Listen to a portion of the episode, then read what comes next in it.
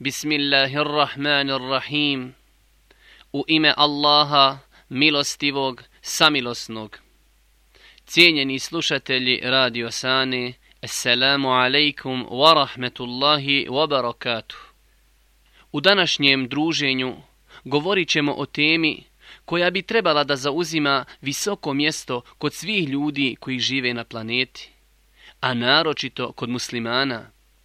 Jer islam čovjeka postiče da se takmiči u dobru, kako bi bio od onih članova društva od kojih društvo ima najviše koristi. Jedan od mnogobrojnih načina na koji čovjek može koristiti svome društvu jeste svakako čovjekovo educiranje, izučavanje, studiranje. Koliko je samo ljudi koji kada se u njihovom prisustvu spomene islam i muslimani, to ih, nažalost, asocira na nazadnost, nepismenost, konzervativnost. U velikom broju slučajeva ova vrsta asocijacije koja se javlja kod određenog broja ljudi rezultirana je neprimjernim tumačenjem određenih krugova o tome kako je islam vjera, čija su načela i principi svojstveni isključivo vremenu Božijeg poslanika Muhammeda alaihi salatu wasalam, ili, kako to oni znaju kazati, nekom drugom podneblju, ali ne i našim savremenom vremenu. Istini za volju treba spomenuti i to da su i sami muslimani u slabosti svoga vjerovanja i zapostavljanju prakticiranja vjere u svakodnevnom životu mnogo doprinijeli tome da se kod ljudi diljem cijeloga svijeta stvori takva slika o islamu i muslimanima. Treba jasno kazati da oni koji su se okrenuli i oglušili od Božijeg zakona bit će gubitnici na oba svijeta, o čemu i govori uzvišeni tvorac u plemenitom Kur'anu kada kaže A onaj ko okrene glavu od knjige moje, taj će teškim životom živjeti i na sudnjem danu ćemo ga slijepim oživjeti. Gospodaru moj, reći će, zašto si me slijepa oživio kad sam vid imao? Evo zašto, reći će on. Dokazi naši su ti dolazili, ali si ih zaboravljao, pa ćeš danas ti isto tako biti zaboravljen. Nažalost, velik broj ljudi, muslimana, nisu svjesni uzročno-posljedične veze između prakticiranja islama i prosperiteta u ovo svjetskom životu. Uzvišeni Allah, kao stvoritelj zemlje i nebesa, kaže da će oni koji budu živjeli po načelima ove vjere, još i na ovom svijetu biti ugledni, cijenjeni, poštovani, a oni koji vjeri leđa okrenu, njihova uživanja, lažna sreća, te nadmeno ponašanje i hvalisanje, zamijenit će vrlo brzo tuga u njihovim srcima, koja će se također uočiti i na njihovim licima. Historija je najbolji svjedok spomenutog. Dok su muslimani živjeli po načelima Islama, dok su živjeli po prvom ajetu koji je objavljen poslaniku, a koji je ujedno i prvi imperativ kuranske objave, koji glasi uči, bili su svijetla vodilja cijelome svijetu i to u svakom pogledu. Islam je vjera koja je veoma daleko otišla ispred ostalih vjera i to po mnogim pitanjima.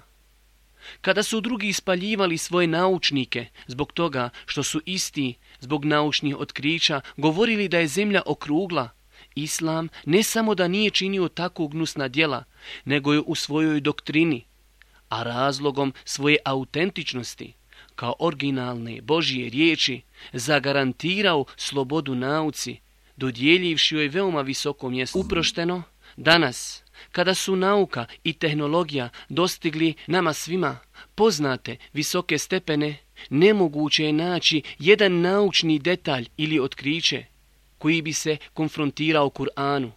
Iako je Kur'an objavljen prije 1400 godina, u vremenu koje bismo možda mogli definirati kao mračno vrijeme tehnologije i nauke.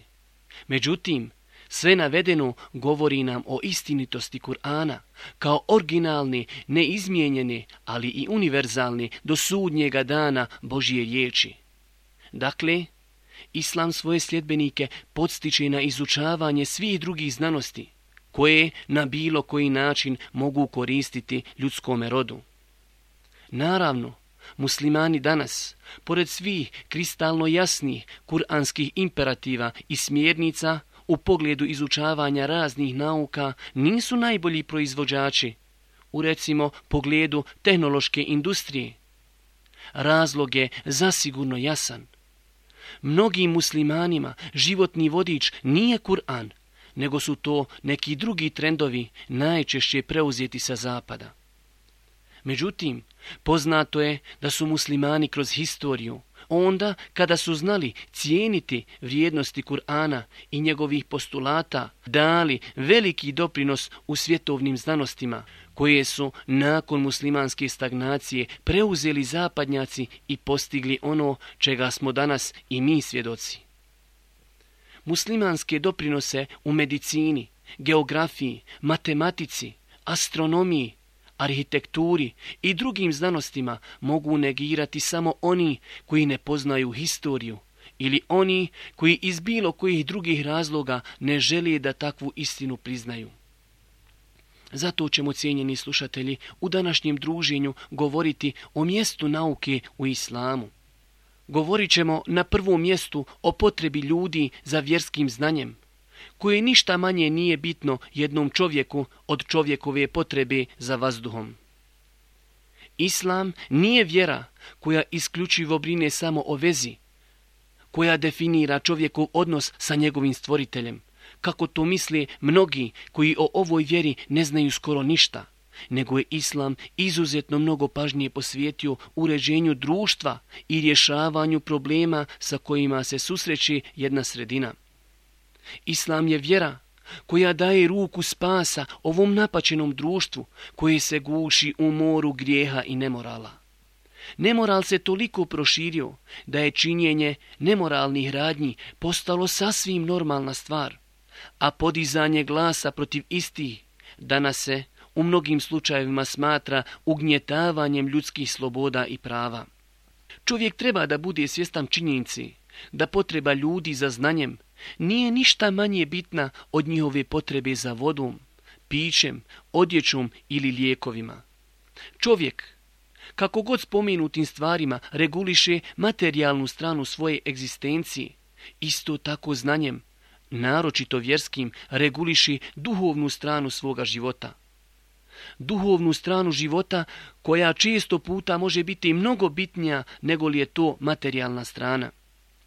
Koliko puta smo vidjeli ljude koji su imali veoma povoljne materijalne uvjete za život, kako se samo žali da su nesretni, a nerijetko se to završi i suicidom, samoubistvom, dok je s druge strane skoro nemoguće naći osobu koja je svojim znanjem izgradila duhovnu stranu svoje ličnosti, da je posjegnula za takvim nerazumnim činom, pa makar u materijalnom smislu izgledala veoma slabo.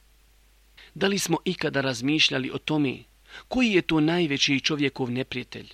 Da li smo ikada pomislili da je neznanje najveći neprijatelj čovjeku?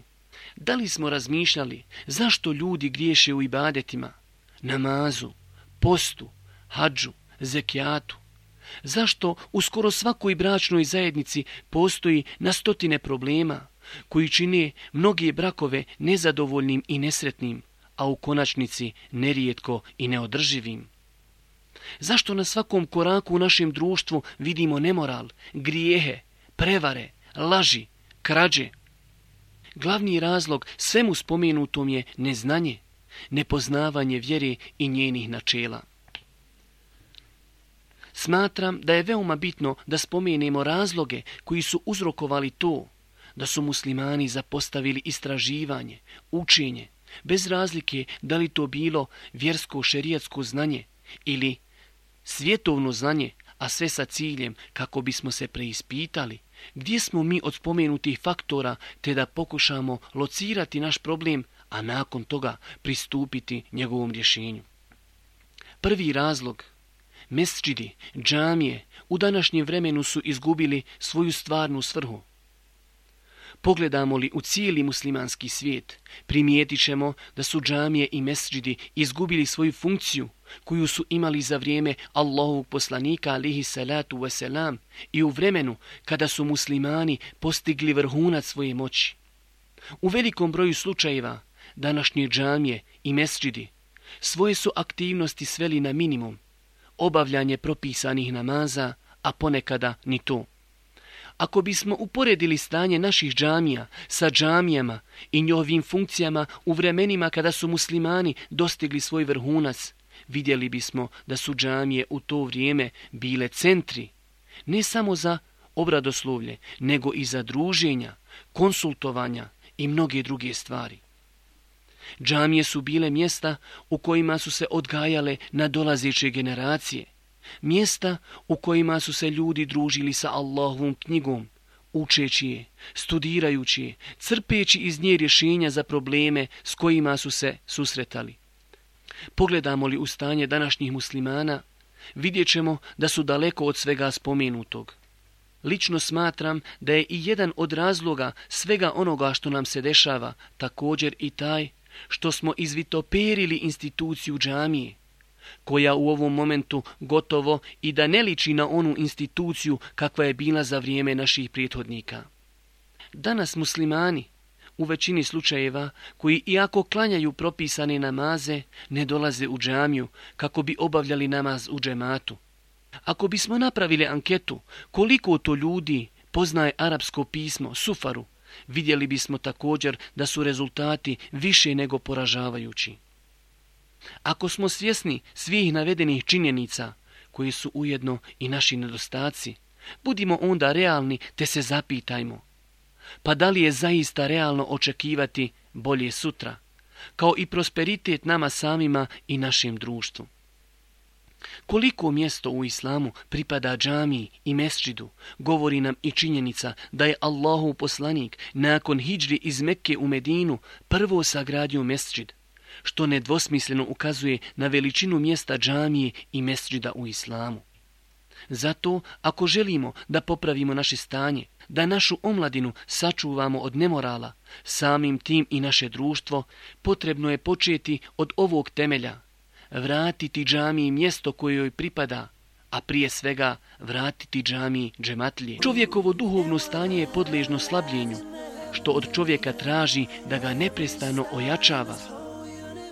Jedan veoma plodonosan način jačanja duhovnog stanja je slušanje vazova ili predavanja u kojima se govori o islamu, njegovom savršenstvu, komparaciji prvih generacija i nas danas a sve u cilju iznalaženja odgovora na probleme koji svakodnevno pogađaju naše društvo. Drugi faktor koji je uzrokovao rasprostranjenost neznanja u našem društvu jeste nepostojanje ambicija, odlučnosti, energičnosti, te jake volje kada je u pitanju educiranje, studiranje, izučavanje onoga što će koristiti jednome društvu. U našem društvu je malo onih koji imaju volje, ambicija i strpljenja da studiraju i da se educiraju, kako bi sutra mogli koristiti ovom napačenom narodu. Naše društvo je, cijenjeni slušatelji, potrebno mladih i ambicioznih ljudi, koji su spremni da se žrtvuju za ovo društvo. Potrebni su nam kreativni pojedinci, koji ne samo da će raditi za mjesečnu platu, nego će se istinski posvetiti popravljanju stanja u kojem žive na svaki mogući način. Treći faktor koji je uzrokovao nazadnost muslimana, proširenost nemorala i neznanja, jeste deficit učenjaka ili ulemi koji su spremni da svoj život i vrijeme žrtvuju u radu za islam, podučavanju ljudi i dodatnom educiranju. Vrijeme u kojem živimo je vrijeme diploma i priznanja. Velik broj ljudi se školuje samo iz razloga kako bi dobili diplomu. Nakon toga i posao, ali i ne sa istinskom željom kako bi pomagali ovom društvu. Četvrti faktor koji je uzrokovao nazadnost muslimana, proširenost grijeha i nemorala, jeste svakako i nepoznavanje arapskog jezika. Vrijeme u kojem živimo je vrijeme u kojem su muslimani zapostavili studiranje i izučavanje arapskog jezika.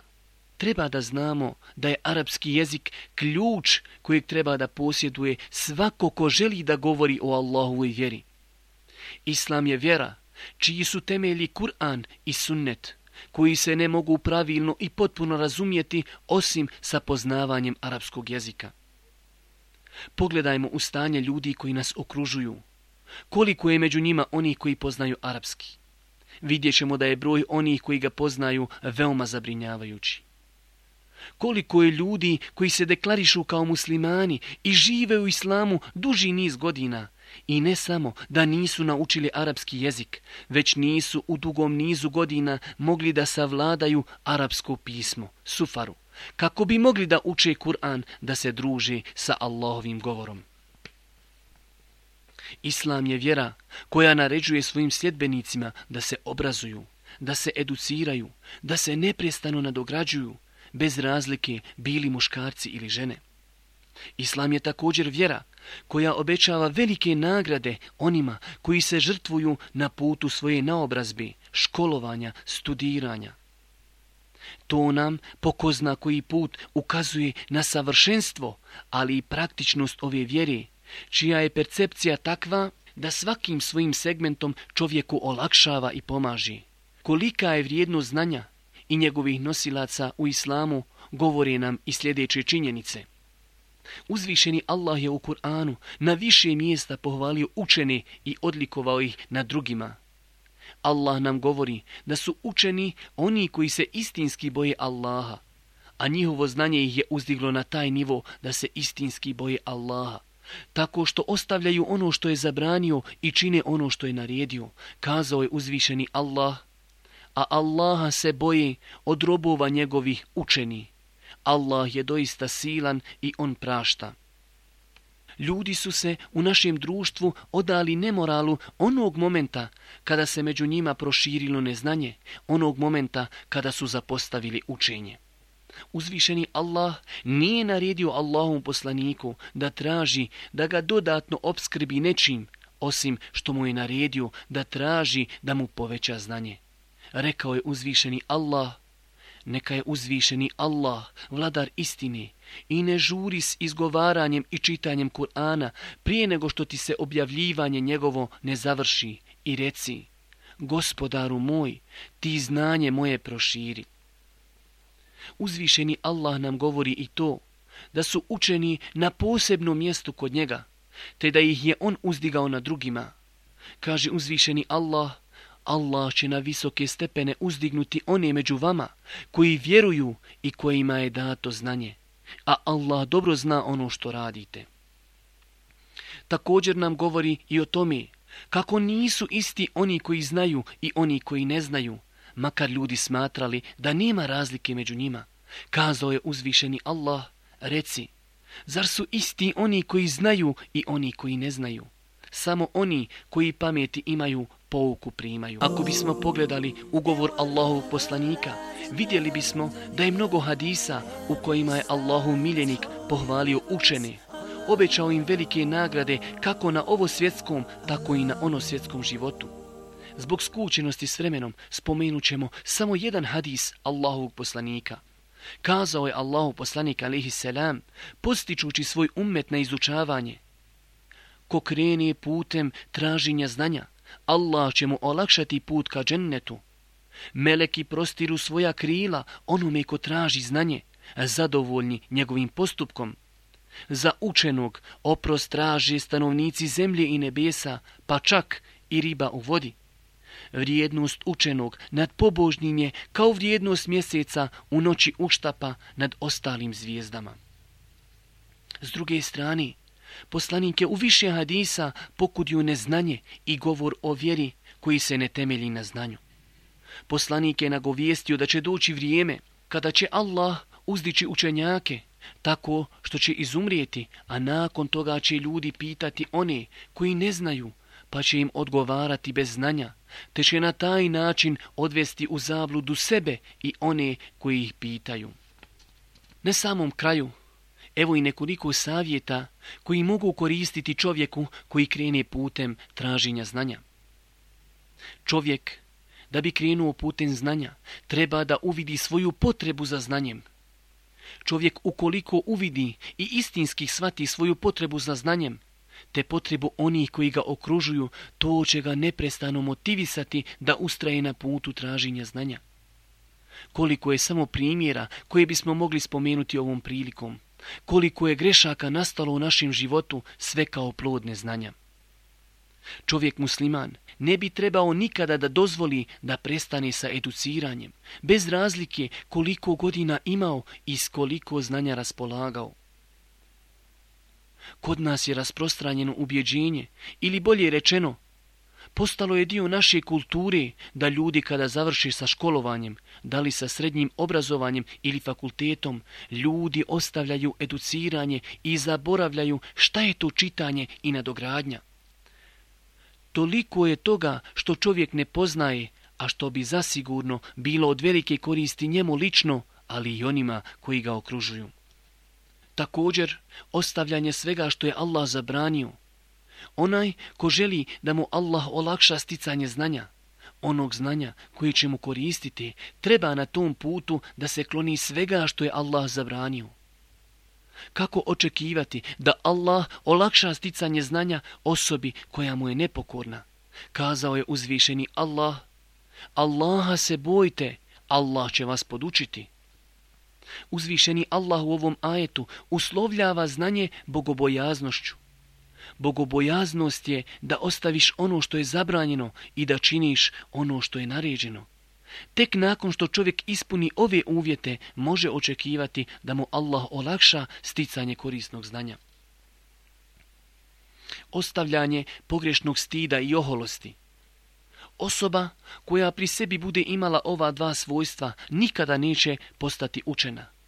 Stid je veoma pohvalno svojstvo u vjeri islamu, no u određenim situacijama čovjek ne bi trebao dozvoliti da ga stid spriječi od postizanja korisnih stvari, a jedna od njih je isticanje znanja. Također, osoba koja bude imala pri sebi svojstvo oholosti, nikada neće postati učena. Koliko je osoba koje samo iz oholosti ne želi da pitaju o onome što im je potrebno. Oni su spremni čitav život da griješi samo zato što ne želi da se ponizi i da upitaju nekoga. Ovo svojstvo je naročito izraženo kod starih osoba. Tako ćemo naći čovjeka u podmaklim godinama kako ima potrebu da pita, ali ga oholost ili stid spriječavaju da to učini. Koliko je samo žena koje se stide upitati za ono što ih muči, naročito kada su u pitanju propisi koji se vezuju za mjesečnicu, hajz, ili posporodni ciklus, nifas, pa ćemo ih naći da klanjaju i poste u vremenu kada im je zabranjeno klanjati i postiti. Ili da ne klanjaju i ne poste u vremenu kada su obavezne da klanjaju i da poste. Razlog svemu tome je stid koji je pokuđen u ovoj situaciji. Na kraju, veoma bitna stvar, ne smijemo dozvoliti da zapostavimo edukaciju žena. Neprestano treba da imamo na umu da žene čine polovinu društva, a drugu polovinu one ljuljaju u svome naruču. Tako da ako žene zapostavi učenje, educiranje, to će na prvom redu ostaviti negativne posljedice na njih, a one su polovina društva, a zatim i na drugu polovinu koju ljuljaju u svome naruču, a koja će nas sutra naslijediti. Sve to su najbolje shvatili neprijatelji čovječanstva, koji su uložili velika sredstva i trud kako bi od ženi načinili u velikom broju slučajeva isključivo seksualni objekat. Zapitajte se samo, kada ste na naslovnici nekog od popularnih magazina, novina, časopisa vidjeli ženu u podmaklim godinama, ali ženu koja je intelektualac? Ne, to se zasigurno rijetko dešava ili gotovo nikad ali zato na naslovnicama štampanih medija možete svakodnevno vidjeti mlade žene koji svojim obnaženim tijelom više otkrivenim nego pokrivenim, na najučinkovitiji način reklamiraju dotične novine i bivaju u ulozi reklami.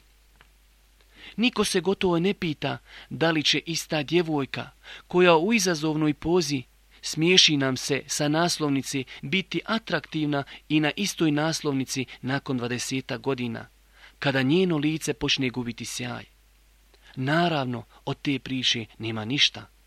ona tada neće biti vrijedna čak ni spomena, jer će ih zamijeniti one mlade djevojke koje nadolazi.